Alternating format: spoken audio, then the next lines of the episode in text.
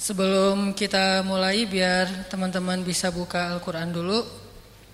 Coba buka Al-Quran surat Al-Hajj. Surat Al-Hajj itu surat 22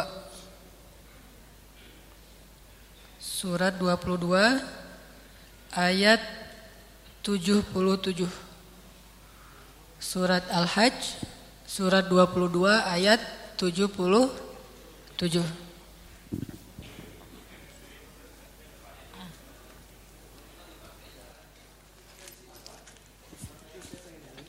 Bismillahirrahmanirrahim. Assalamualaikum warahmatullahi wabarakatuh. Alhamdulillah Nahmaduhu wa nasta'inuhu wa nasta'gfiruh. Wa na'udhu billah min syururi anfusina wa sayyiati a'malina Man yahdihillah falamudillalah wa man yudlil falahadiyalah Alhamdulillahilladzi hadana lihada wa ma kunna linahtadiya laula an hadanallah. Segala puji dan syukur kepada Allah karena memberi kita hidayah untuk bisa datang ke masjid yang megah dan tetap memberikan rasa khusyuk di dalam hati kita. Hidayah yang karenanya kita bisa punya semangat untuk mencari ilmu. Hidayah yang karenanya kita mulai menjadi pencari cahaya pencari kebenaran dan belajar berubah dengan hijrah menghijrahkan amal kita, menghijrahkan gaya hidup kita dan menghijrahkan hati kita insya Allah. Kalau bukan karena hidayah Allah, nggak mungkin kita bisa berada di tempat ini.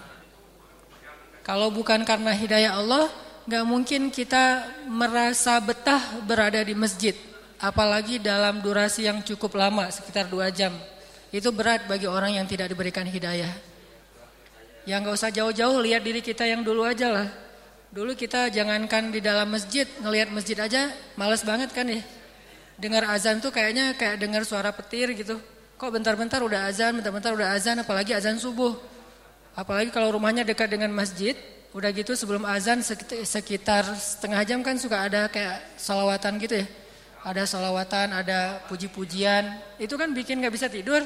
Jadi terganggu tidurnya, padahal baru tidur jam 3 pagi. Udah gitu disambut dengan solawatan. Kenapa? Karena hati kita itu masih tertutup oleh dosa-dosa dan hawa nafsu. Tapi sejak Allah beri hidayah, malah mendengar suara, suara azan subuh itu bahagia gitu. Sholat subuh itu sesuatu yang sangat dinantikan gitu. Kalau kita mau tahajud itu, kalau kita mau mau tidur, senang. Kenapa tidurnya senang? Karena sebentar lagi saya mau bangun pengen tahajud. Jadi kangen dengan tahajud, kangen dengan malam, kangen dengan sepertiga malam terakhir, kangen dengan doa-doa yang hanya kita yang mendengarnya.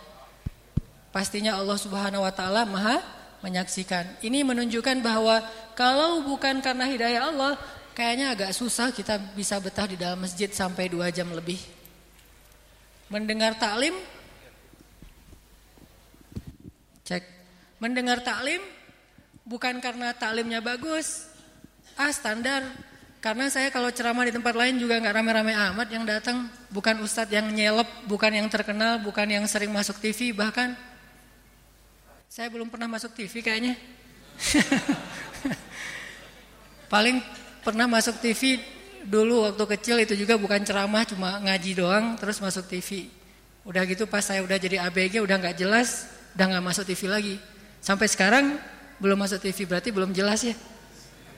Artinya bukan karena ceramahnya bagus, bukan karena pematerinya itu terkenal, bukan karena ilmunya banyak, tetapi kenapa kita masih betah? Berarti karena Allah Subhanahu wa taala menjadikan hati kita nyaman dalam rumah Allah Subhanahu wa taala. Apa kata Nabi?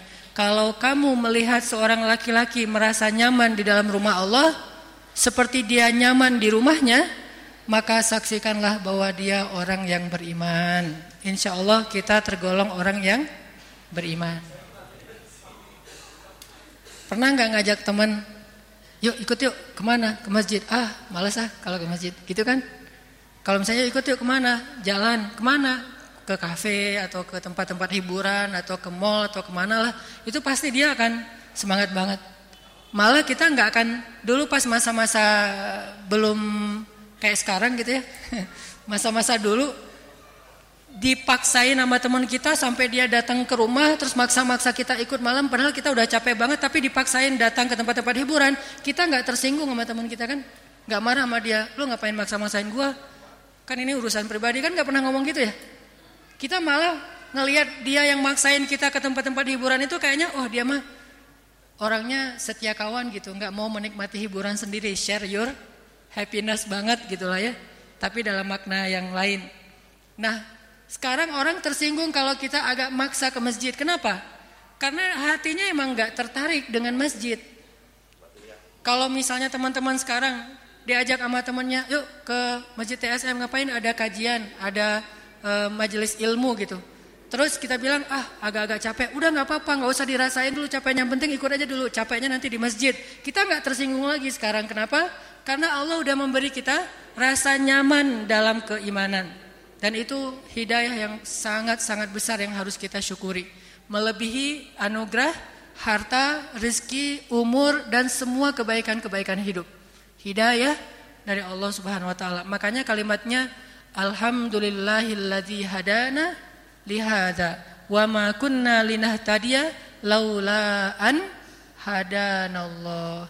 Segala puji bagi Allah yang udah ngasih kita hidayah seperti ini. Kalau bukan hidayah Allah, pasti kita dalam keadaan tersesat. Jadi teman-teman sering-sering ngucapin kalimat itu biar Allah tambah lagi hidayah. Karena hidayah itu enggak sekaligus. Dari awal dia muncul, dia dari awal dia masuk ke dalam hati sampai menjadi utuh itu butuh waktu, enggak sekaligus. Cara biar dia nambah terus gimana?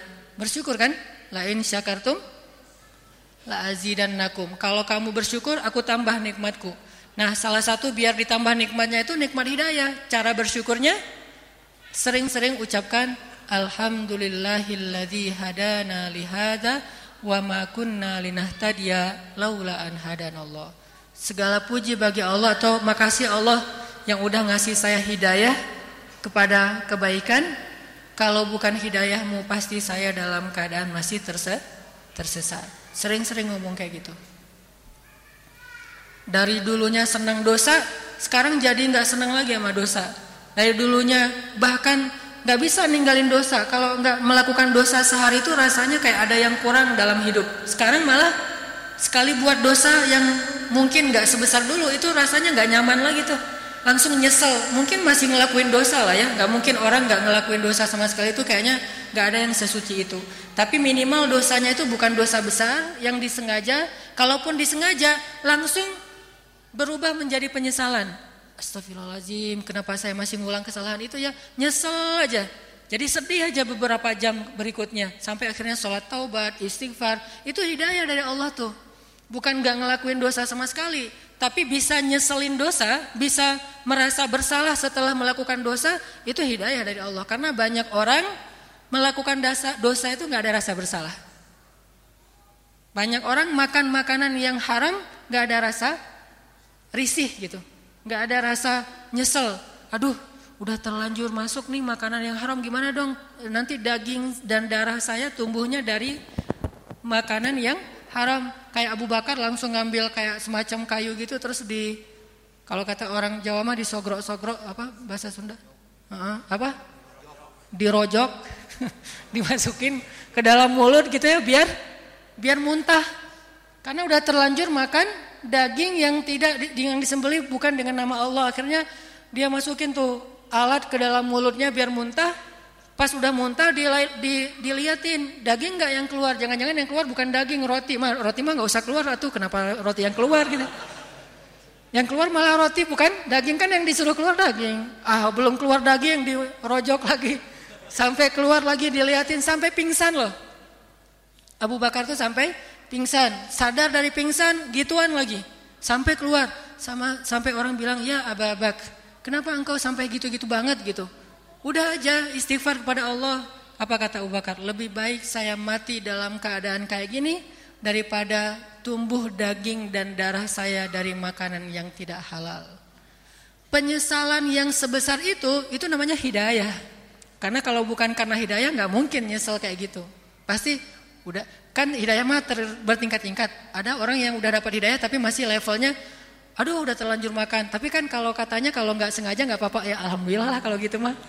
Ada yang hidayahnya masih gitu gitu ya.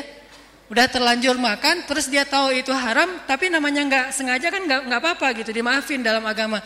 Malah dia bersyukur, alhamdulillah kayak orang lagi puasa tiba-tiba minum nggak sengaja, udah kenyang makan dan minum terus ingat ingat, oh ya ya kan saya hari ini rencananya mau puasa sunnah, mau puasa Senin Kamis.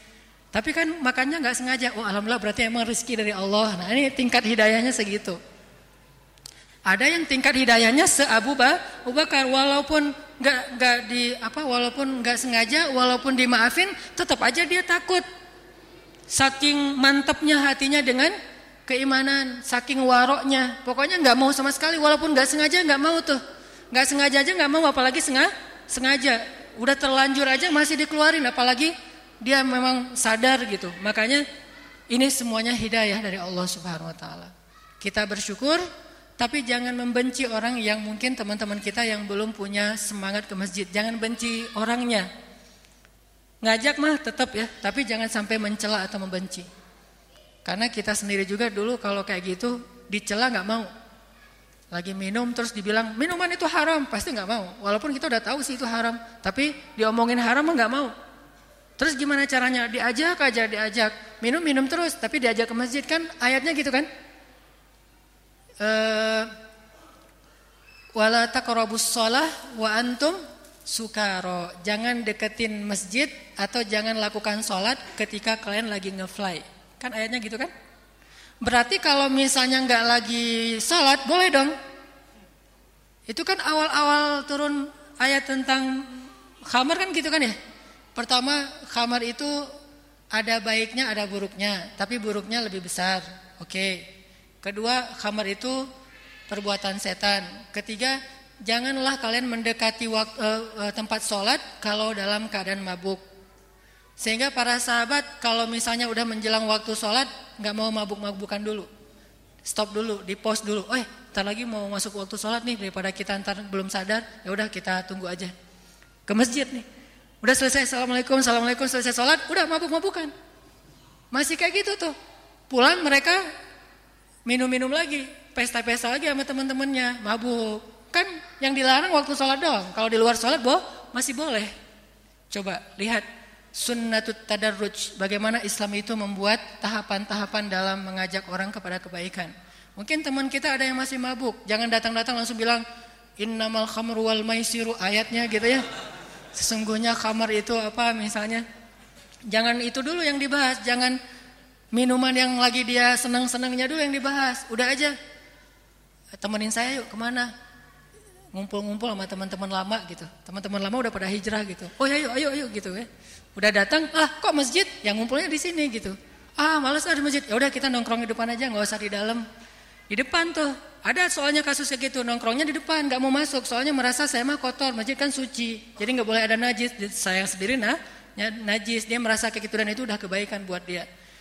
Nongkrong di depan ngobrol sama teman. Jadi jangan selalu ngeliat kalau ada yang nongkrong di tangga. Kenapa sih orang nongkrong di tangga nggak mau masuk masjid? Siapa tahu tahap hidayahnya masih segitu gitu. Siapa tahu hari ini dia nongkrong di tangga, besok udah di pintu, lusa udah masuk di depan, lama-lama jadi di sini. Malam bisa jadi lama-lama duduk di atas ini nih. Kan kita nggak tahu kan? Banyak orang yang duduk di atas ini yang masa lalunya entah gimana keadaannya luar biasa, nauzubillah gitu. Tapi tiba-tiba bisa berada di sini. Artinya udah aja nongkrong di depan. Pas nongkrong di depan, dengar suara azan. Nah ini pentingnya muazin tuh yang suaranya bagus. Pas dengar suara azan, azannya ala al-aqsa yang lembut, yang pokoknya nyentuh di hati banget, touching banget di hati kita tuh pas dia dengar namanya orang kayak gitu tuh sejahat apa pun hatinya tuh baik sebetulnya. Malah banyak orang yang macam-macam kehidupannya itu kehidupan yang sebutlah jahil ya, tapi hatinya itu yang saya perhatiin rata-rata itu lembut sebetulnya. Cuma belum ada momentum aja buat dia balik arah. Pas dengar azan, orang kafir aja dengar azan bisa nangis kan? Apalagi ini orang muslim, cuma emang selama ini jauh dari agama. Mungkin pas dengar azan jadi pengen sholat cuma malu sama temennya. Mau inisiatif, yuk kita butuh, yuk. Aduh, kayaknya tuh nggak nggak mungkin banget gitu dia ngomong gitu kan ya. Kayak udah kebalik aja dunia kalau ada yang ngomong kayak gitu sementara dia masih dalam keadaan merasa kotor. Temennya yang bilang, gimana mau wudhu? Ya udahlah, dia gengsi-gengsi gitu. Padahal dia pengen gitu. Udah wudhu, wudhu, pas wudhu nggak usah diliatin wudhunya. Walaupun salah biarin aja. Jangan pas wudhu, dah wudhu biar saya liatin. Soalnya saya udah belajar fikih wudhu kemarin. Aduh ini mah nggak terlalu menggurui gitu. Udah biarin aja dia wudhu di pojok situ kita menjauh. Biarin aja dia nggak salah-salah wudhunya. Udah dia wudhu udah segala macam. Terus dia angkat tangan padahal nggak berdoa angkat tangan doang gitu. Seolah-olah udah berdoa setelah wudhu. Mungkin kita juga nggak tahu doa setelah wudhu apa gitu. ya udah akhirnya selesai gitu masuk masuk ke masjid lihat-lihat ini aneh gini ya tempatnya belum pernah saya ke tempat-tempat kayak gini mah. Biasanya tempat yang pas saya masuk langsung aja lightingnya gimana-gimana gitu terus suara sound systemnya musiknya si DJ-nya ternyata ini mah nyaman banget. Semua orang itu khusyuk diam. Ada yang lagi berdoa nangis. Terus tiba-tiba serentak berdiri semuanya ngesaf saya berdiri di mana ya? Akhirnya dia paling belakang sendiri gitu. Imamnya juga bacaannya bagus. Heart touching banget kena di hatinya. Pas dia gitu Ah, keingat semua dosa-dosa dia. Gara-gara powerful tilawah. Ah, langsung ke bawah semua dosa-dosa dia. Dia malah yang paling khusyuk sholatnya di dalam masjid. Dia. Bukan imam, bukan makmum sah pertama, malah orang yang pertama banget masuk masjid. Itu paling luar biasa. Ini semuanya yang saya ceritakan ini, prolog ini ada hubungannya dengan tema kita pada malam ini. Temanya adalah share your happiness atau share happiness, berbagi kebahagiaan. Yang saya pengen fokus, berbagi kebahagiaan itu adalah berbagi kebahagiaan dalam majelis ilmu. Berbagi ke kebahagiaan di masjid, berbagi kebahagiaan udah hijrah kan happy ya, bisa hidup kayak gini kayaknya lebih nyaman lah. Gak usah terlalu macam-macam lah kalau yang saya tulis di caption Instagram mah hidup nikmatin aja hidup tapi jangan nambah dosa gitu. Selama nggak nambah dosa, ah udah nyaman hidup kita. Untuk bisa hidup asik, nyaman, happy itu sebetulnya nggak harus nambah dosa sih. Bisa banget hidup tuh happy, hidup tuh ceria, hidup tuh wah luar biasa eh, asiknya tanpa nambah dosa tuh bisa banget. Jadi jangan dibayangin, ah agama mah bikin hidup jadi serius, jadi kaku, nggak bisa happy-happyan kayak dulu lagi. Buktinya tuh teman-teman yang udah hijrah jadi kaku tuh. Berarti ada orang yang memberikan apa kayak semacam contoh bahwa setelah hijrah itu nggak asik. Makanya kalau setelah hijrah, setelah kita kayak gini udah menjadi orang yang lebih dekat ke masjid, tunjukin keluar bahwa setelah kita belajar Islam itu hidup kita masih asik kok. Hidup kita masih nyaman kok, kita masih ketawa-ketawa, kita masih happy. Malah mudah-mudahan rezekinya lebih lancar lagi daripada sebelum hijrah itu bisa jadi bukti bagi yang belum hijrah, ternyata hijrah itu pilihan yang paling tepat gitu. Ternyata menjadi hamba yang taat itu adalah suatu yang benar, yang udah udah di jalurnya udah udah tepat banget lah pokoknya. Gak akan gara-gara rajin ke masjid terus jarang tersenyum, itu enggak. Malah rajin ke masjid makin senang tersenyum. Harus kayak gitu harusnya kita mah. Biar kita tunjukin bahwa ke masjid itu happy, happiness dan saya pengen sharing sama kalian. Bukan ke masjid itu paksaan dan saya pengen maksain kalian, bukan. Bukan taklim itu adalah doktrin dan saya pengen ngedoktrinin kalian, bukan. Ke masjid itu happiness yang lain yang belum mungkin pernah kalian rasain. Selama ini kalian ngerasain happiness itu dengan hiburan, dengan jalan, dengan nongkrong. Sebetulnya ada juga happiness yang lain, nongkrongnya di masjid, hiburannya di masjid, ketawanya di masjid, apa misalnya tidurnya di masjid mungkin misalnya atau apa ketemu teman-teman lama di masjid, sholatnya di masjid, nangisnya di masjid, itu happiness dari sisi yang lain yang mungkin teman-teman kita belum ngerasain, sehingga mereka agak-agak mikir, bener nggak ya ke masjid itu happy gitu. Nah, gimana kita tunjukin bahwa ke, ke mereka bahwa di masjid itu happy? Kitanya yang harus happy dulu. Jangan sampai kesan orang yang udah ke masjid itu udah nggak asik lagi. Asal ketemu dia ngomongin dalil, asal ketemu dia haram, ini haram, ini haram, semuanya haram. Emang sih banyak yang haram, cuma ada tahapan. Jangan-jangan gara-gara kita keseringan ngomongin haram bukan buat orang makin mendekat ke Allah, tapi buat orang makin menjauh dari Allah. Atau bisa jadi yang kita bilang haram itu karena kita nggak ngerti, padahal halal. Kayak ada teman ya, ini udah udah masuk waktu sholat? Oh udah ya. Nanti aja ceritanya deh kalau gitu setelah sholat insya insya Allah. Barakallahu liwalakum.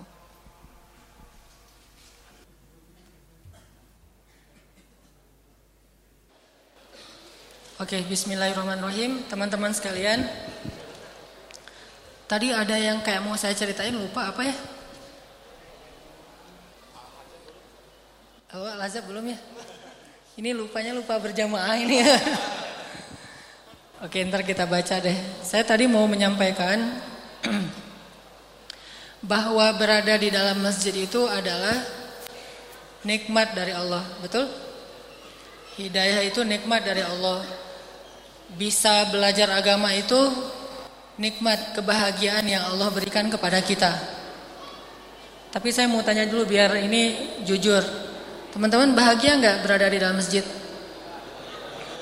Yang jawab mas cuma baru sepersepuluhnya. Bahagia di dalam masjid? Ini yang cewek-cewek di atas bahagia berada di atas? Pengen ganti biar kita yang ke situ? Bahagia ya di situ ya nggak nyampur ya. Dan ngelihat saya lebih jelas gitu. Bahagia ya di dalam masjid. Kalau kalian ngerasa bahagia berada di dalam masjid, bahagia dapat hidayah, bahagia bisa dengar taklim, maka coba share your happiness, kebahagiaan ini kepada yang lain. Sama kayak kita semangat sharing tempat makan yang enak. Oh ada tuh tempat makan atau cafe yang cozy banget misalnya. Atau bukan tempatnya tapi makanannya, menunya tuh enak banget gitu. Sambalnya tuh khas misalnya. Atau uh, sausnya buatan sendiri atau minumannya apalah gitu ya.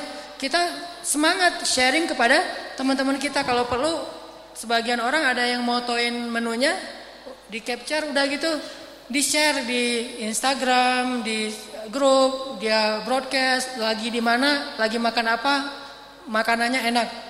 Rekomendasi lah ya, recommended. Akhirnya teman-temannya kan pada nanya, di mana tuh, di mana tuh, di mana tuh? Ya udah kita bareng aja besok. Ada yang traktirin nggak nih? Akhirnya datang. Kan semangat kan?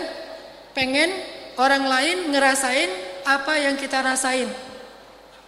Kalau urusan makan aja semangat, urusan dunia aja semangat, urusan jalan-jalan aja semangat untuk di-share, apalagi urusan yang paling berharga yaitu urusan agama Allah. Urusan masjid Allah, urusan rumah Allah. Kalau ada spot wisata tempat yang keren di di mana gitu kita semangat sharing ke yang lain dan merasa orang lain harus ngerasain nih tempat ini tuh keren banget gitu. Maka tidak ada tempat yang lebih baik di muka bumi kata Nabi daripada rumah Allah. Sebaik-baik tempat di muka bumi itu adalah mas masjid. Jadi harus ada semangat untuk sharing itu. Ah saya pengen teman saya yang ini dapetin kebahagiaan yang saya rasain di dalam masjid. Share kepada mereka. Ajak kalau bahasa pesantren mah dakwah lah ya. Mendakwahi teman-teman yang belum merasa tertarik ke masjid. Caranya gimana? Caranya kita tuh harus terlihat happy dan happynya itu harus tulus, happy beneran gitu. Gimana kita mau ngajak dia ke masjid dan kita bilang masjid itu asik, masjid itu uh, bahagia, nyaman, tentram hatinya tuh kayaknya damai. Kalau pas kita keluar ke mas dari masjid, wajah kita tuh nggak happy gitu. Pas kita ketemu sama teman-teman kita, kita kayak ngerasa ada beban gitu. Jadi dia ngelihat kasihan ya si Fulan ya. Kenapa? Sejak dia berubah, mereka kan nggak tahu istilah hijrah, taunya berubah ya. Sejak dia berubah, kayaknya saya lihat dia cemberut aja. Ngelihat kita tuh kayak ngelihat setan gitu. Nah ini kan berarti nggak happy tuh sama orang lain. Sehingga orang ngelihat kita tuh nggak asik ah kalau mau kayak dia mah nggak enak. Saya mah mau kayak gini aja. Kalau perlu lebih parah dari ini lebih nakal dari ini. Soalnya orang yang lebih nakal dari saya kelihatannya tuh kayak asik banget gitu. Kelihatannya orangnya care banget kelihatannya orangnya e, rame kelihatannya orangnya pokoknya nyaman gitu. Tapi yang ini yang udah berubah kok jadi gitu ya? Berarti tugas kita adalah menampilkan dengan tulus, dengan ikhlas, dengan jujur bahwa hijrah itu bahagia. Bukan paksaan, bukan doktrin, bukan karena kondisi, tapi memang Allah kasih kita hidayah dan kita memilih itu dengan sukarela. Bahagia banget hijrah itu. Belajar agama itu bahagia banget. Duduk di masjid itu bahagia banget. menjadi orang yang coba mempelajari agama lebih baik dan mengamalkannya, bahagia banget. Sehingga ketika dia ngelihat kita, dia jadi penasaran. Kok dia sekarang orangnya lebih nahan emosi ya daripada dulu. Dulu mah orangnya ngeledak-ledak gitu. Sekarang lebih sabar. Sekarang orangnya lebih kalem. Sekarang orangnya lebih bijak kayaknya. Sekarang orangnya lebih care sama teman ketimbang dulu. Kalau dulu mah nggak gitu-gitu amat. Tapi sekarang luar biasa care banget sama temannya. Sekarang dia orangnya mudah tersenyum, orangnya ngalah, orangnya pas mereka ngelihat perubahan kita yang luar biasa, yang keren, yang mudah-mudahan sesuatu yang baik, itu buat mereka penasaran, kok jadi gitu ya? Apa yang berubah dari dia? Apa yang membuat dia jadi kayak gitu? Ternyata setelah diteliti, setelah dicari tahu sama mereka, kita tuh udah belajar agama pelan-pelan. Ternyata benar belajar agama itu bisa membuat orang jadi lebih baik, bukan buat orang jadi lebih gampang ngeselin. Kan ada orang makin belajar agama makin ngeselin, ada orang yang makin belajar agama makin nyenengin. Nah, kita coba yang kedua. Sehingga dari situ kita bisa sharing. Nanti ajaknya pelan-pelan kayak tadi. Gak usah langsung bilang mau ngajak ke taklim. Taklim apaan? Halakoh. Halakoh. Halakoh itu apa gitu. Istilahnya berat-berat banget. Halakoh, taklim, tarbiyah, apalagi tuh. Tausiah, liko, gitu-gitu kan berat tuh. Terus ngapain? Nongkrong yuk gitu. Di mana? Udah ada teman sama teman-teman lama yang kayak tadi. Udah pelan-pelan akhirnya dan gak usah dipaksain. Jangan sampai wajah kita berubah menjadi cemberut gara-gara dia menolak. Justru ketika kita cemberut gara-gara dia nolak, itu menunjukkan bahwa kita itu enggak enggak asik gitu, enggak nyaman. Sehingga dia akan lagi-lagi berkata ternyata kamu udah berubah enggak kayak dulu gitu. Makanya coba kita punya semangat untuk share. Kenapa sih harus punya semangat untuk sharing? Pertama emang lebih asik kalau rame-rame kan? Bayangin kalau ketemu di sini teman-teman lama gitu, teman-teman nakal dulu, ketemunya di masjid kan itu asik ya? Kalau nggak punya teman nakal jangan nakal, udah aja teman-teman yang baik dulu gitu. Ah saya mah Ustaz nggak pernah nakal-nakal amat, dari dulu mah gini-gini aja. Kan ada istilah pemuda hijrah mah dulunya nakal, kalau pemuda istiqomah emang dari dulu udah baik gitu. Istiqomah kan? Jadi kalau ini emang saya mah Ustaz dari dulu udah baik, oh kamu bukan pemuda hijrah, pemuda istiqomah. Karena udah bah, udah baik. Teman-teman nakal nongkrong dari dulu tuh ketemu lagi di sini, ah akhirnya malu tapi gimana mau malu? Lo juga di sini, gua juga di sini sama dengan kita. Cuma beda jalur masuknya, ada yang lewat si fulan, si fulan, si fulan. Pokoknya ketemunya di sini akhirnya reunian di masjid. Itu luar biasa. Kayak sahabat-sahabat reunian di depan Ka'bah. Pernah baca nggak adegan sahabat reunian di depan Ka'bah? Reunian sahabat nakal. Teman-teman nakal mereka gitu. Jadi ketemu lagi di depan Ka'bah pas habis Fathu Makkah. Siapa aja coba? Umar yang dulu pernah bunuh orang. Kalau mabuk mah emang udah dia banget lah gitu ya. Kalau bunuh orang pernah lah mabuk. Nggak tahu kalau perempuan saya nggak berani harus cek lagi kalau masalah seks. Tapi bunuh orang mabuk syirik itu kalau syirik sekarang mah dukun ramal yang gitu-gitu deh yang ilmu-ilmu kanuragan yang gitu-gitu Pernah lah kayak gitu-gitu mah Umar. Umar. Udah gitu siapa? Khalid. Wah, ini mah berdua kan petarung nih.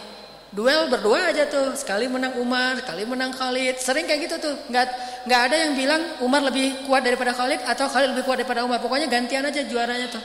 Kalau di skate sama kayak Absar sama Pevi itu. Sekali juaranya Absar, sekali juaranya Pevi kan berdua aja tuh. Nah ini Umar, Khalid, Umar, Khalid. Tarung lagi, tarung lagi. Nggak selesai-selesai, cuma tarungnya tarung fair, tarung di atas ring. Mereka nggak tarung tawuran, tarungnya di atas ring. Wah, sekali Umar dari Bani Kabilah Fulan, kali dari Kabilah Fulan. Padahal mereka juga masih sepupuan sih. Kadang-kadang adu panco gitu. Menang Khalid, menang Umar berdua. Jagoan di masa nakal, jahiliyah. Ketemu lagi siapa? Ikrimah. Ikrimah itu siapa? Anaknya Abu Jahal. Bapaknya aja gitu ya. Gimana anaknya kan? Wah lebih nakal lagi tuh. Pokoknya nih satu geng anak muda yang kalau kita baca sejarah ya. Umar, Khalid, Ikrimah, Amr bin As, uh, ada Abu Jandal, ada Abdullah bin Suhail, terus ada sekitar 10 orang nih, geng anak muda yang nakal-nakal. Padahal yang muda yang lain ada kayak Usman itu masih muda, cuma dia nggak nakal. Dia pemuda istiqomah banget kalau Utsman mah.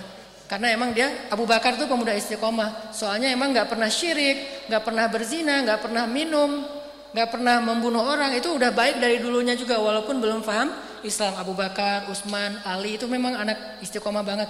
Kalau yang hijrah banget, Umar, Khalid yang yang nakal-nakal lah gitu ya. Ketemu lagi tuh, pas ketemu ingat nggak dulu kalian kita kalau lagi di depan Ka'bah nih ngapain? Ya ya, kita dulu kalau di depan Ka'bah itu suka judi. Judinya taruhannya tuh nggak tanggung-tanggung loh. 100 ekor onta. Ah kita mah judi mah paling juga duit 10 ribu. Ini judi mah 100 ekor onta itu udah judi tingkat nasional kalau di kita mah. Satu ekor onta itu harganya berapa? Saya pernah bilang 100 juta, bukan onta yang disembelih yang harganya 40 juta, onta yang dipakai berdagang, paling murah 100 juta, kali 100. Sekali, sekali judi. Khalid judi sama uh, Amr bin As, orang tuanya sama-sama kaya. Pas kalah, kata mereka, ah 100 ekor onta mah cuma untuk satu kali pesta gitu mah. Karena kalau datang tamu dari luar negeri, katakanlah jamaah haji, mereka tuh ngasih makanan jamaah haji itu satu keluarga sendiri gitu. Jamaah haji semuanya saya yang tanggung hari ini, besok saya yang tanggung. Itu 100 ekor onta sekali nyembeli. Biasa aja kayak gitu-gitu. Ingat nggak kalian dulu kita di depan Ka'bah ngapain? Oh ya judi, minum, cewek gitu. Yang gitu-gitulah di depan Ka'bah lah gitu. Bukannya tawa, bukannya doa, bukannya nangis, bukannya taubat, malah maksiat.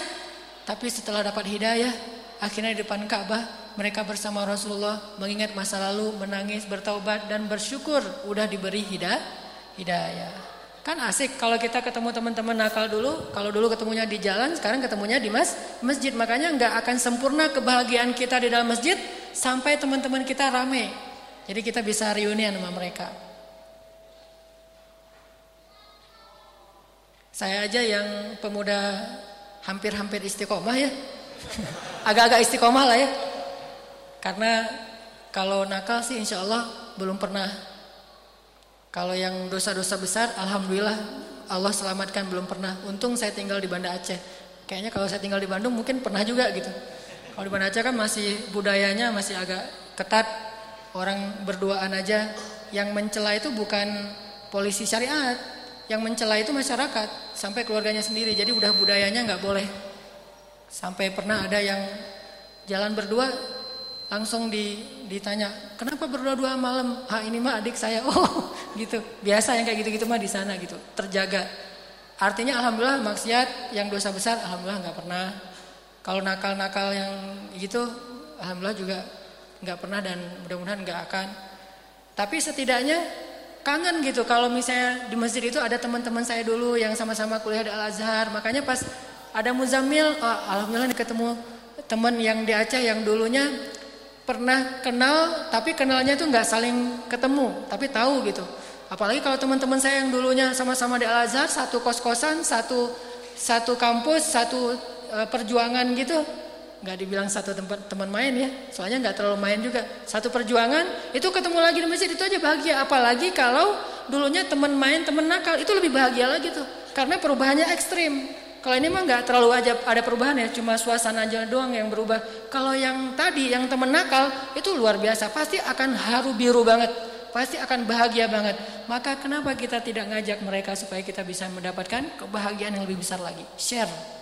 Satu alasannya, biar kita lebih sempurna lagi bahagianya. Dua alasannya, kalau dia berhasil berubah setelah kita ajak, maka setiap kebaikan dia itu pahalanya juga mengalir kepada kita. Siapa yang mengajak kepada kebaikan, dia dapat pahala kebaikan orang yang menirunya atau yang mengikutinya. Dan siapa yang mencontohkan sesuatu yang baik, dia dapat juga pahala dari orang yang meniru yang dia contohkan itu. Man sanna sunnatan hasanah atau man dalla ala khair. Ada orang pas dia meninggal pahalanya enggak banyak-banyak amat, biasa aja lah. Cuma pahala sholat wajib, puasa wajib. Sholat mah cuma sehari lima kali, lima waktu, nggak ada ba'diyah, nggak ada qobliyah kecuali sesekali doang. Puasanya Ramadan doang tuh. Itu Ramadan juga milihnya yang paling cepat lebarannya. Kan ada dua pendapat tuh. Ada yang belum, wah rukyahnya belum kelihatan nih hilalnya. Yang satu bilang, Udah kelihatan, ah saya mau yang kelihatan aja lah, biar cepat lebaran gitu ya. Jadi puasanya puasa wajib, sholatnya sholat wajib, hajinya wajib, zakatnya wajib. Sedekah mah jarang banget. Jadi pas dia meninggal, pahalanya tuh ya sebatas itu doang, hal-hal yang wajib doang gitu. Tapi pas dibangkitkan, dia disebut ahli tahajud, ahli puasa Senin Kamis, ahli sedekah, ahli umrah. Loh kok bisa? Gimana caranya? Meninggal berstatus ahli ibadah wajib, pas bangkit berstatus ahli ibadah sunnah. Bukan cuma yang wajib doang, ahli ibadah-ibadah yang sunnah termasuk malah tahajud gak pernah tinggal. Oh kok bisa? Emang kamu pernah tahajud? Jarang banget. Tapi kok statusnya jangan-jangan malaikat salah absen nih. Kok tahajud gak pernah tinggal? Gimana caranya? Gara-gara dia ngajak temennya untuk hijrah. Setelah hijrah, temennya tuh lebih soleh dari dia. Kan banyak yang kayak gitu tuh. Saya juga ngerasa gitu sih. Saya yang ceramah-ceramah ngajak orang untuk soleh, ngomongin apa gitu ya. Iman naik turun dan saya mungkin lebih sering turun. Teman-teman lebih sering naik. Tapi tenang, nanti statusnya kan saya yang ngajak gitu ya. Itu enaknya ngajak tuh. Bahagianya nggak ngajak. Tapi jangan jadiin alasan ya. Ya. Pokoknya gitu aja. Pas dia bangkit kok statusnya banyak amal sunnah nih. Kan berdasarkan dalil tadi. Siapa yang mengajak kepada kebaikan. Dapat pahala orang yang mengikutinya tanpa mengurangi pahala mereka. Oke. Siapa yang mencontohkan sesuatu yang baik. Maka dapat pahala dari orang yang mencontohinya. Tanpa mengurangi pahala mereka yang mencontohi. Ternyata teman yang diajak sama dia tuh gak pernah tinggal tahajud. Atau tahajudnya selang-seling, semalam tahajud, semalam enggak. Tapi ada dua, jadi tetap aja gak pernah tinggalkan ya. Malam Senin si A salat tahajud, malam Selasa si B, malam Rabu si A, malam Kamis si B. Ya kita dapat aja terus pahala tahajud, padahal gak pernah tahajud, tuh luar biasa tuh. Coba, apa kurang pentingnya ngajak orang lain untuk kepada kebaikan, hijrah ke, ke jalan Allah. Sebesar itulah pahala Rasulullah Sallallahu Alaihi Wasallam. Coba berapa juta atau entah berapa miliar Muslim sejak zaman Nabi sampai zaman sekarang dan mereka beramal soleh dan pahala mereka semuanya mengalir kepada Rasulullah Sallallahu Alaihi Wasallam. Lalu mengalir kepada para ulama, mengalir kepada para pemimpin khalifah-khalifah yang adil, mengalir kepada para dai-dai, para rijal, sampai kepada ulama-ulama yang di masa sekarang. Termasuk kita juga punya peluang kayak gitu. Cuma mungkin nggak sebanyak Rasulullah. Kalau Rasulullah kan seluruh umatnya ya. Kalau kita mah seluruh temannya gitu. Bukan seluruh umatnya, seluruh teman. Dari dia nanti dia ngajak lagi teman yang lain. Oh, kita masih dapat, masih nggak akan terputus tuh. Amal yang jariah, apa arti jariah? nggak ada putus-putusnya, nggak ada berhentinya teman kita ngajak yang level berikutnya ke MLM gitu, ngajak lagi, ngajak lagi, tetap aja kita dapat. Kenapa? Orang yang nomor dua itu dapatnya dari satu, satu dapatnya dari kita. Terus aja gitu, nggak akan ada habisnya. Makanya ajak teman kita. Tapi tadi pakai etika dakwah yang arif. Jangan maksa, jangan doktrin, jangan dengan cara ngejudge. Udah aja dengan jangan ngejudge tapi ngajak. Nah malam ini kita akan dengar dua sharing supaya kita lebih semangat lagi untuk ke masjid, untuk hijrah, untuk ngajak teman-teman kita tentang betapa bahagianya di masjid sampai orang gimana pun kondisinya bela-belain ke masjid. Di tengah-tengah kita sekarang ada seorang teman, seorang anak muda yang Allah berikan keistimewaan dalam fisiknya tidak seperti yang lain tetapi dia dengan keistimewaan yang dia punya itu masih ngebela-belain ke taklim ke masjid dan merasa nyaman di masjid. Maka kita akan dengar dari dia apa rahasianya, apa kata kuncinya, apa nasihatnya buat kita supaya kita bisa lebih semangat dari dia dalam datang ke masjid. Silakan Dani ya. Mana Dani? Mana Dani? Silakan ke depan dan ya silakan. Ada mic satu lagi? Oh ya. Masya Allah. Assalamualaikum dan. Waalaikumsalam. Ya, silakan duduk. Tuh kan benar kata saya kan ya. Bisa aja yang kita nggak tahu siapa-siapa tiba-tiba duduk di atas sini luar biasa. Duduk aja dan. Nah, kenalin diri dulu. Ganteng ya?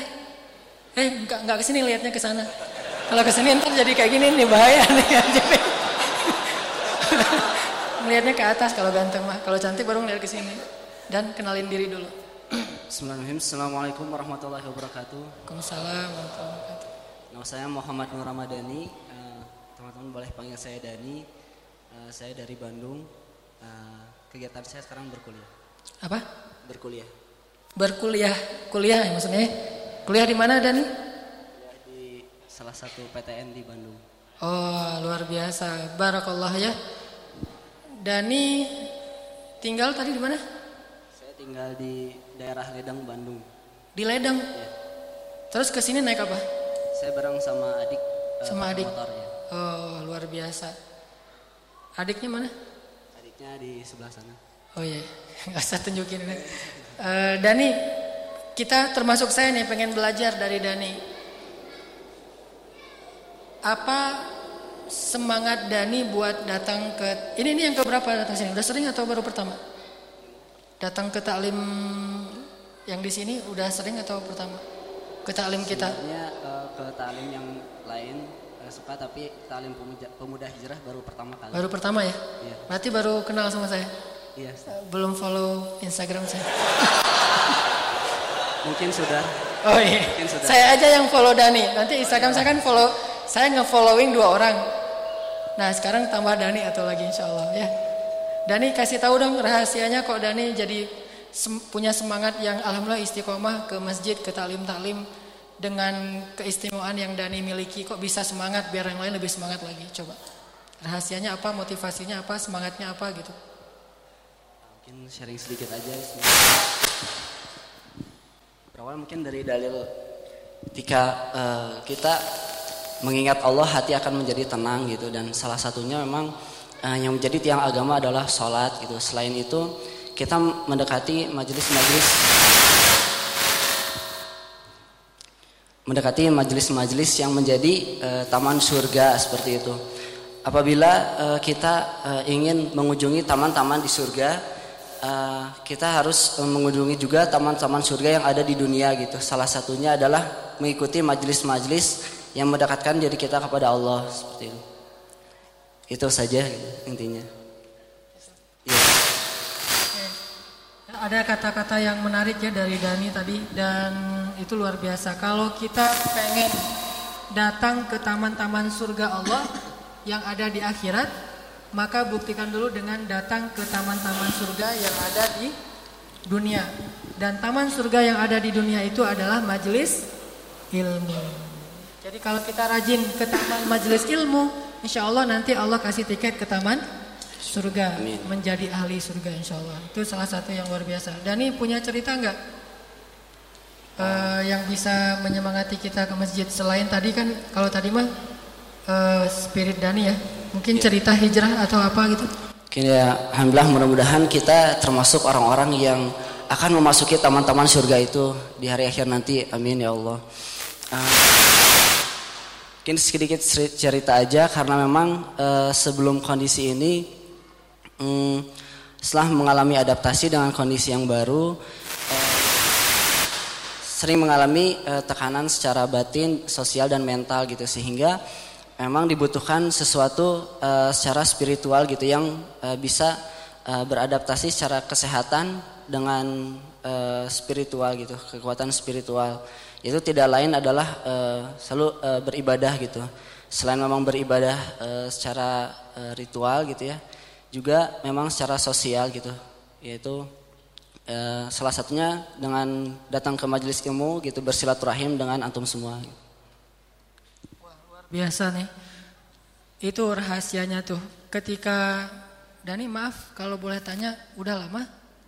Iya sudah lama. Udah berapa tahun? Sudah eh, sudah 9 tahun. 9 tahun ya. Awal-awalnya tuh berat banget ya. Iya. Tekanan batin, terus juga kenyataan yang di luar yang kita bayangkan itu pasti berat banget. Gak bisa kebayang lah. Tapi ternyata bisa menemukan ketenangan yang seperti Dani bilang di awal tadi bisa lebih siap mentalnya, bisa lebih menjadi orang yang ridho dengan kete- ketentuan Allah dan bisa survive. Rahasianya adalah mendekatlah kepada Allah. Datanglah ke rumah-rumah Allah. Jadi kalau Dani aja bisa survive dengan keadaannya yang istimewa gara-gara datang ke masjid, pasti kita yang masalah kita pasti biasa-biasa aja kalau dibandingkan dengan Dani. Insya Allah akan jauh lebih survive kalau kita rajin datang ke masjid dan itu kebahagiaan yang luar biasa. Makanya harus kita share kepada yang lain. Gitu aja Dan. Ya, seperti itu. Oh ya, makasih banyak Dani. Mudah-mudahan ya. karena Dani udah ngasih semangat buat yang lain jadi pada semangat Dani nanti dapat pahala dari semua yang semangat untuk datang ke masjid. Jazakallah khair. Satu lagi. Ini unik juga nih. Ada teman-teman dari Street Punk yang malam ini baru pertama ke masjid dan kita pengen dengar dari mereka cerita tentang mereka bisa datang ke masjid. Saya panggilkan Mang Kiki dengan pasukannya, dengan teman-temannya anak-anak street punk ke depan. Silakan Mang Kiki.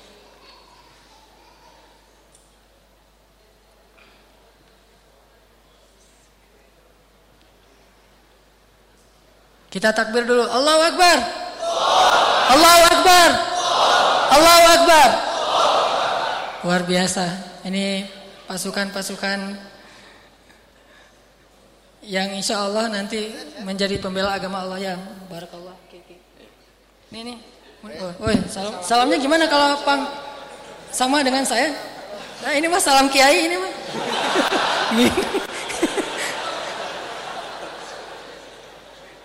Ya nanti saya minta diajarin salam anak pang lah. Oke kenalin namanya dulu dari yang paling kanan ya berdiri kalau Assalamualaikum warahmatullahi wabarakatuh Nama saya Erwin Kurnia. Assalamualaikum warahmatullahi Ntar dulu Erwin Kurnia nongkrongnya di mana? Biar kita tahu. Biasanya di mana? Tinggalnya? Cibang. Oh di belakang situ. Oke. Berarti aman. Assalamualaikum warahmatullahi eh, wabarakatuh. namanya siapa? Orang orang nges balik. Dua estafet estafet. Satu-satu dulu. Assalamualaikum warahmatullahi wabarakatuh. Salam namanya? Nama saya Pian. Pian. Halo, Pian. Ya, Assalamualaikum warahmatullahi wabarakatuh. Salam. Nama saya Ahmad Ambali. Asli tinggal di Garut. Rumah PU. Panggilan? Hah? Panggilannya? Panggilan Ali. Ali. Ali. Wes, Ali. Barakallahnya luar biasa. As Ali. Terus yang Erwin Pian Assalamualaikum warahmatullahi wabarakatuh. Salam. Ini sarung yang ngasih Mang Kiki? Ya, Atau Mas ini? Oh, luar biasa. Nama saya Rizwandi disebut Aris. Aris. Ya. Kenapa Aris? Rada kenging cangking punten ya. ya, satu lagi siapa? Uh, Abdi Mang Kiki wilujeng wengi kasadayana. Nah ini mah salah satu inspirator nah. saya. Saya banyak belajar dari Mang Kiki. Ini tadi ceritanya kan berdua sama teman ke sini nggak sengaja lagi ngamen di depan TSM. Hayo orang sarolat lah sambil ngopi kayak gitu kan. Ya hayo ya ke sini aja lah gitu kan. Kan weh sajam seberaha ceban misalkan ceban ewang weh lah gitu. Penting sarolat lah weh.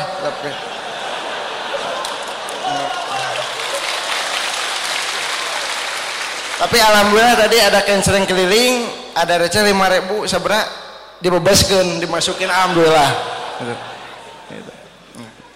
Ntar di sini nggak sengaja ya barusan. Alhamdulillah. Uh, mau nanya-nanya dulu.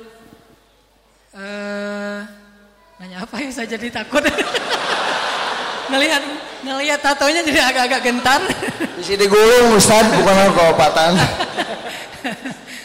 gimana rasanya pas tadi Mamang Kiki masuk ke sini. Siapa ini?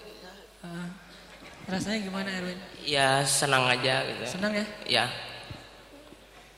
Suka ke masjid? Suka. Oh emang ini mah udah istiqomah ini mah. Karena kita cari yang yang belum istiqomah. Alhamdulillah ya. Rasanya nyaman ya. Ada yang ketemu teman di sini?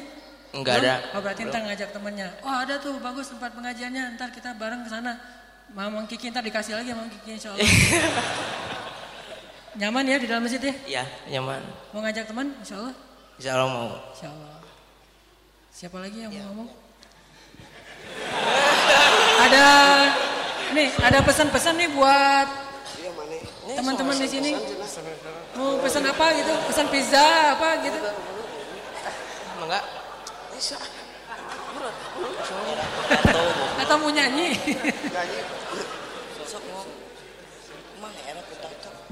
Ada yang spesial nih salah satu adik-adik pakai galang briges ini mah nih. Nah, budak briges, tapi ke masjid ya di jalan bismillah. diajak ya. Ya, gitu. Pas ini momennya. Mudah-mudahan kalian semuanya insya Allah jadi anak yang berbakti sama orang tua, rajin ke masjid, makin rajin ke masjid ntar makin banyak rezekinya, makin berkah rezekinya. Dan ikutin terus tuh, ini Mang Kiki ini kalau saya kenal beliau udah sekitar tiga tahun ya. Alhamdulillah saya aja belajar sama dia. Apalagi kalian harus lebih banyak lagi belajar sama Mang Kiki. Tapi jangan belajar memotoran ya. Belajarnya belajar agama. Standing biasa lah. Standing, ya. Ada lagi yang mau disampaikan? Nyemangatin? Atau tadi pas mau ke sini ragu nggak? Ah, ke masjid. Enggak. Ragu ya? Ragu kenapa? Ya sempat. Sempat ragu. Ya tadi waktu ketemu sama Kiki sempat nanya aja kenapa gitu bisa diajak ke masjid ada apa Ah, Kiki bilang ya ya udah cina masuk aja dulu ntar juga tahu Ngopi-ngopi. Sudah ini mau ngopi bisa Ustaz mau ikut aja. Ayo, ya alhamdulillah. Ngopinya nggak dicampur yang lain-lain kan ya? paling dicampur arak ya luar biasa. Ini boleh tepuk tangan gak sih di masjid? Pengen tepuk tangan, eh. Weh. Luar biasa, makasih ya. Udah datang, mudah-mudahan kita bisa jadi keluarga baru, bisa jadi teman baru, tongkrongan baru insya Allah. Barakallah. Kiki ada pesan buat kita? Nih yang ngajaknya nih, mudah-mudahan. Eh, gimana pesannya Ustaz? Ya terserah Kiki. Ya, Ya, pesannya teman-teman kepada ada semangat. teman-teman eh, mumpung muda manfaatkan sisa hidup ya eh, sisa hidup ini untuk ya mengajak lah gitu kan tidak tidak menjai tapi lebih menyayangi eh, mendoakan dan merangkul gitu karena ya inilah kesempatan hidup kita untuk bisa untuk menyayangi sesama gitu karena ya di dunia inilah udah kita saling menyayangi gitu udah meninggal nggak ada kesempatan untuk bisa duduk di sini bareng-bareng gitu gitu Wah luar biasa tuh ya. Jangan ngejudge, jangan ini tapi merangkul, menyayangi, diajak pelan-pelan. Dan alhamdulillah Kiki udah banyak lah ngajak-ajak teman-teman dari jalan untuk bisa bareng-bareng menikmati hidangan Allah di dalam masjid. Mudah-mudahan itu bisa kita amalin. Makasih Kiki Sama-sama. dan teman-teman semuanya. Ya, ini gimana gimana? Gini. udah aja lah. Kalau nyeri cangkeng loh cuma. Kayak kayak kiai aja lah. udah.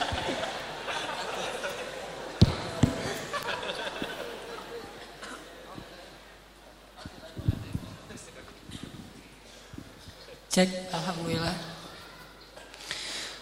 Itulah teman-teman sekalian dua kisah inspirasi kita pada malam ini ada Dani dengan keistimewaannya dan pesannya tadi kalau pengen ngunjungin taman-taman surga milik Allah sebelum kita meninggal kunjungilah majelis-majelis ilmu.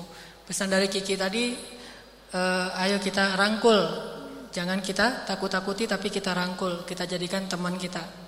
Kita kasih sayang kalau bahasa Kiki tadi. Terus teman-teman juga tadi luar biasa. Mudah-mudahan bisa ngajak lebih banyak lagi anak state punk untuk datang ke masjid. Barakallah kepada semuanya. Sekarang kita tutup dengan tilawah dulu tadi PR-nya surat Al-Ahzab. Sebelum ah eh Al-Hajj. Surat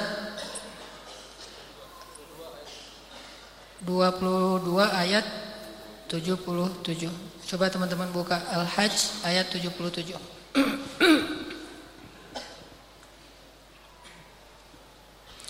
أعوذ بالله من الشيطان الرجيم. Silahkan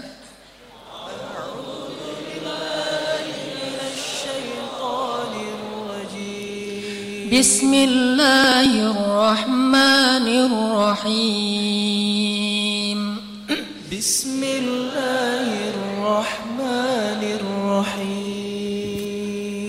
Teman-teman kalau lihat mushaf ya, itu ada tanda apa di ayat 77? Ada tanda sajadah atau ayat sajadah. Ada salah satu amalan Hukumnya sunnah sih nggak wajib. Kalau kita habis baca ayat yang ada tanda sajadah ini kita su sujud. Kalau nggak tahu baca apa, udah aja baca subhanallah, subhanallah gitu atau subhana rabbiyal a'la.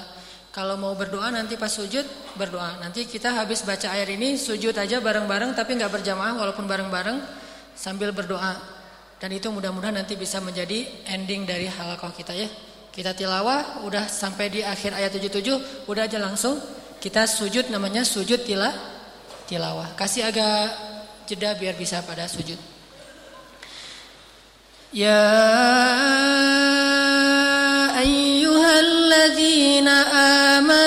واركعوا واسجدوا واعبدوا ربكم. يا أيها الذين آمنوا اركعوا واسجدوا واعبدوا ربكم وافعلوا الخير لعلكم تفلحون.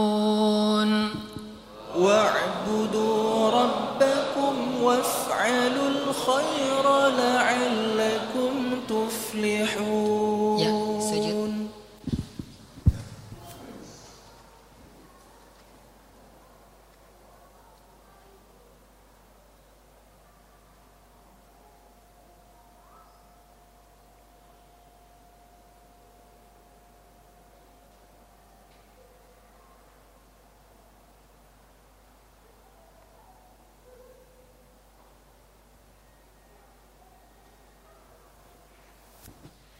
Ya, selesai.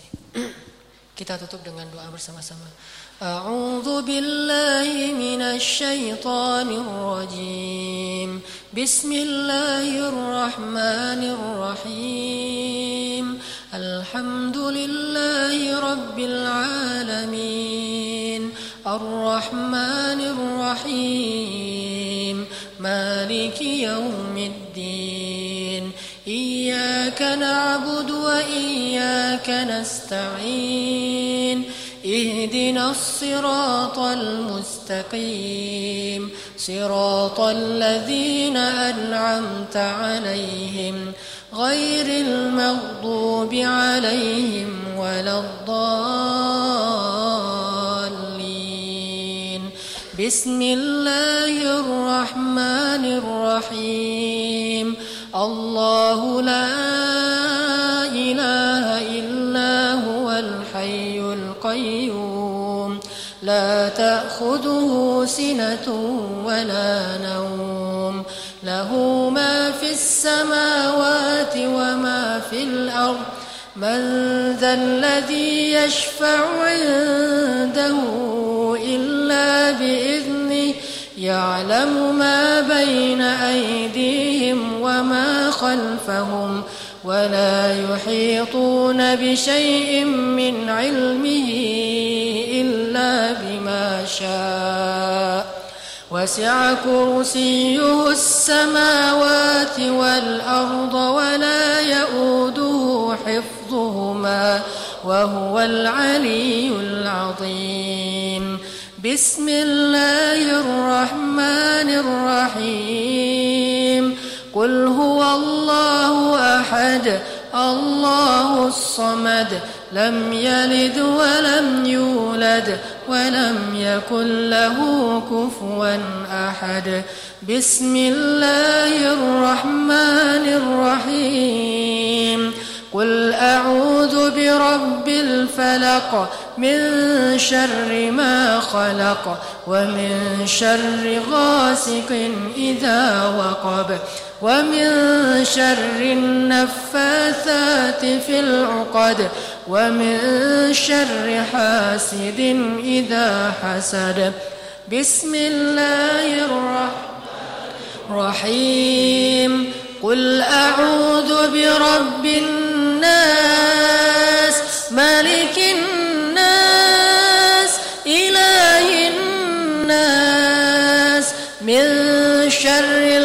الوسواس الخناس الذي يوسوس في صدور الناس من الجنة والناس. أستغفر الله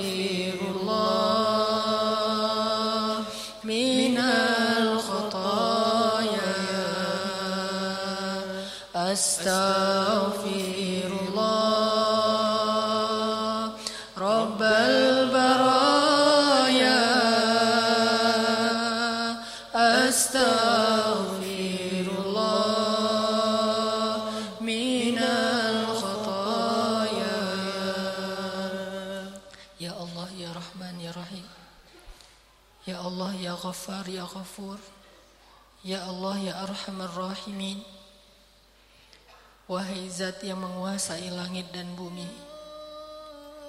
Wahai zat yang maha kaya Wahai zat yang maha terpuji Wahai zat yang maha indah Wahai zat yang maha sempurna Wahai zat yang maha menghargai setiap amal hambanya Wahai zat yang maha melihat dan mengetahui.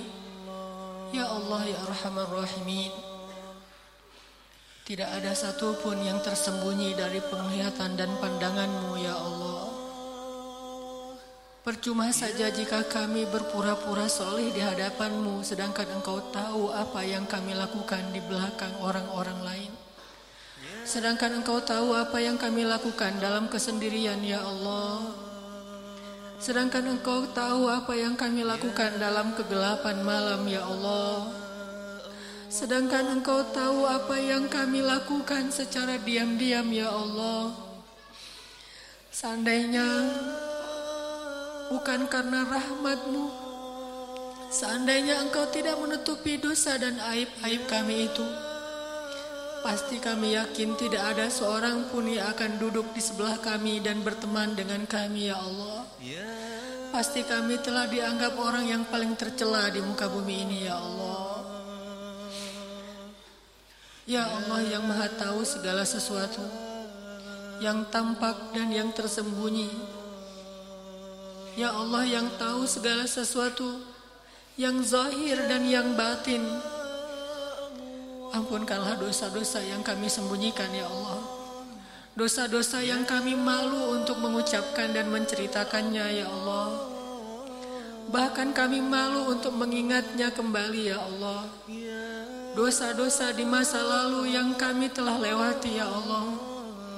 Dosa-dosa yang bahkan mungkin masih banyak orang yang sakit hati kepada kami karena dosa-dosa itu ya Allah. Dosa-dosa di mana kami pernah menyakiti dan menzalimi orang lain ya Allah. Mengambil hak-hak orang lain ya Allah. Mencela orang lain ya Allah. Melukai orang lain ya Allah. Merendahkan orang lain ya Allah. Menodai orang lain ya Allah. Maafkanlah kesalahan kami itu ya Allah. Walaupun mungkin orangnya belum mau memaafkan kesalahan kami sebagai bukti betapa besar dan sebagai bukti betapa hinanya diri kami ya Allah. Betapa besarnya kesalahan dan dosa kami sehingga sulit bagi mereka memaafkan kami ya Allah. Tapi engkau maha pemaaf ya Allah. Dan engkau tahu betapa kami sedang berusaha memperbaiki segalanya ya Allah. Meski kami sendiri belum menjadi orang yang baik. Engkau maha tahu bahwa kami sudah berusaha untuk bertaubat dan hijrah menyesali dan meninggalkan dosa-dosa itu semuanya ya Allah. Walau kami tidak tahu apakah hati kami akan tetap dalam kesolehan. Hanya Engkau yang membimbing hati hamba-hambamu ya Allah. Maafkanlah kesalahan kami di masa lalu ya Allah. Ya Allah ya Arhamar Rahimin. Berilah kebaikan-kebaikan kepada orang yang pernah kami zolimi selama ini ya Allah. Kembalikan hak-hak mereka yang pernah kami rampas selama ini ya Allah. Bersihkan mereka yang pernah kami kotori selama ini ya Allah. Sadarkan mereka yang pernah kami sesatkan selama ini ya Allah. Jangan engkau biarkan orang-orang yang kami sesatkan ter tetap dalam kesesatan itu ya Allah. Sehingga kesesatan dan dosa-dosa mereka harus kami yang menanggungnya nanti di akhirat ya Allah.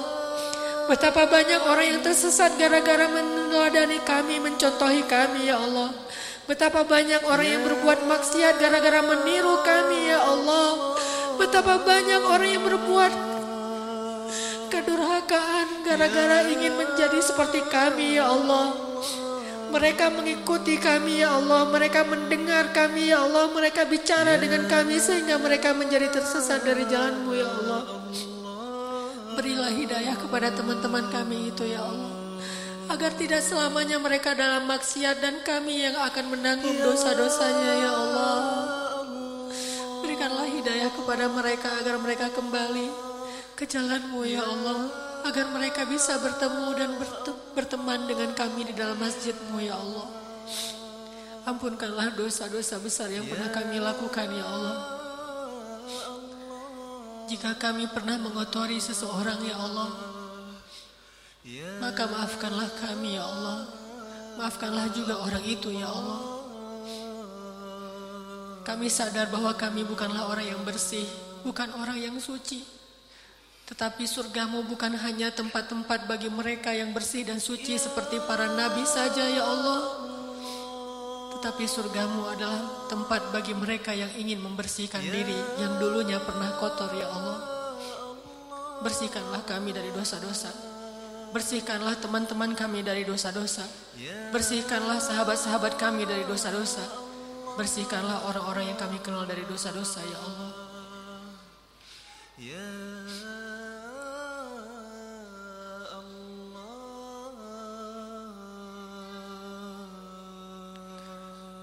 ربنا اغفر لنا ولوالدينا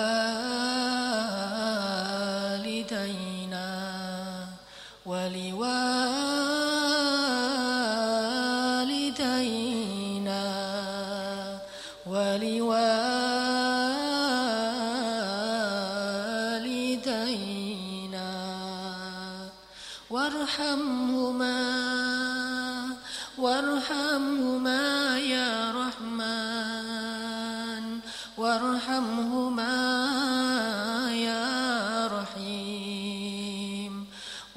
وارحمهما كما ربيانا صغارا Ya Allah ampunkanlah dosa-dosa kami ya Allah dosa ayah dan ibu kami ya Allah dosa ayah dan ibu kami ya Allah dosa ayah dan ibu kami ya Allah. Ampunkanlah dosa mereka berdua ya Allah. Jadikanlah mereka berdua hamba-hambamu yang mendapatkan husnul khatimah ya Allah. Jika keduanya telah wafat, bangkitkanlah mereka sebagai orang-orang yang engkau ridhoi ya Allah. Lapangkanlah kubur mereka berdua ya Allah. Meskipun sedikit amal mereka berdua selama di dunia ya Allah. Meskipun mereka belum menjadi seorang ahli ibadah ya Allah Meskipun mereka belum mengenal agama sebaik kami mengenalnya ya Allah Meskipun baru sedikit amal-amal sunnah yang mereka kerjakan ya Allah. Atau mungkin mereka belum baik dalam taubatnya ya Allah. Ampunkanlah dosa mereka ya Allah. Bukankah nabimu pernah menyampaikan bahwa doa seorang anak akan diterima olehmu ya Allah? Inilah kesempatan kami berbakti kepada ayah ibu kami ya Allah. Mendoakan mereka agar engkau mengampuni dosa mereka ya Kami tidak sempat membalas kebaikan mereka selama hidupnya. Tetapi mudah-mudahan doa-doa kami yang selalu kami sampaikan setelah kami sholat menjadi pengganti dari kebaikan-kebaikan mereka yang pernah kami rasakan sepanjang hidup kami ya Allah. Mudah-mudahan setiap baik doa-doa kami itu akan engkau jadikan sebagai balasan dari setiap tetes susu yang ibu kami berikan kepada kami ya Allah. Mudah-mudahan bait-bait doa kami menjadi pengganti bagi setiap tetes keringat ayah kami ya Allah. Ampunkanlah dosa ayah ibu kami ya Allah. Masukkanlah mereka ke dalam surga ya Allah. Jauhkanlah mereka dari api neraka ya Allah. Jauhkan ya Allah, jauhkan mereka dari azab kubur ya Allah. Kami rindu kepada orang tua kami yang telah wafat ya Allah. Kami rindu kepada ibu kami ya Allah. Kami rindu kepada ayah kami ya Allah. Pertemukanlah kami kembali dengan mereka di akhirat nanti.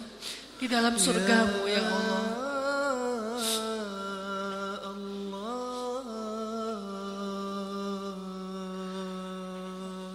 ربنا آتنا في الدنيا حسنة وفي الآخرة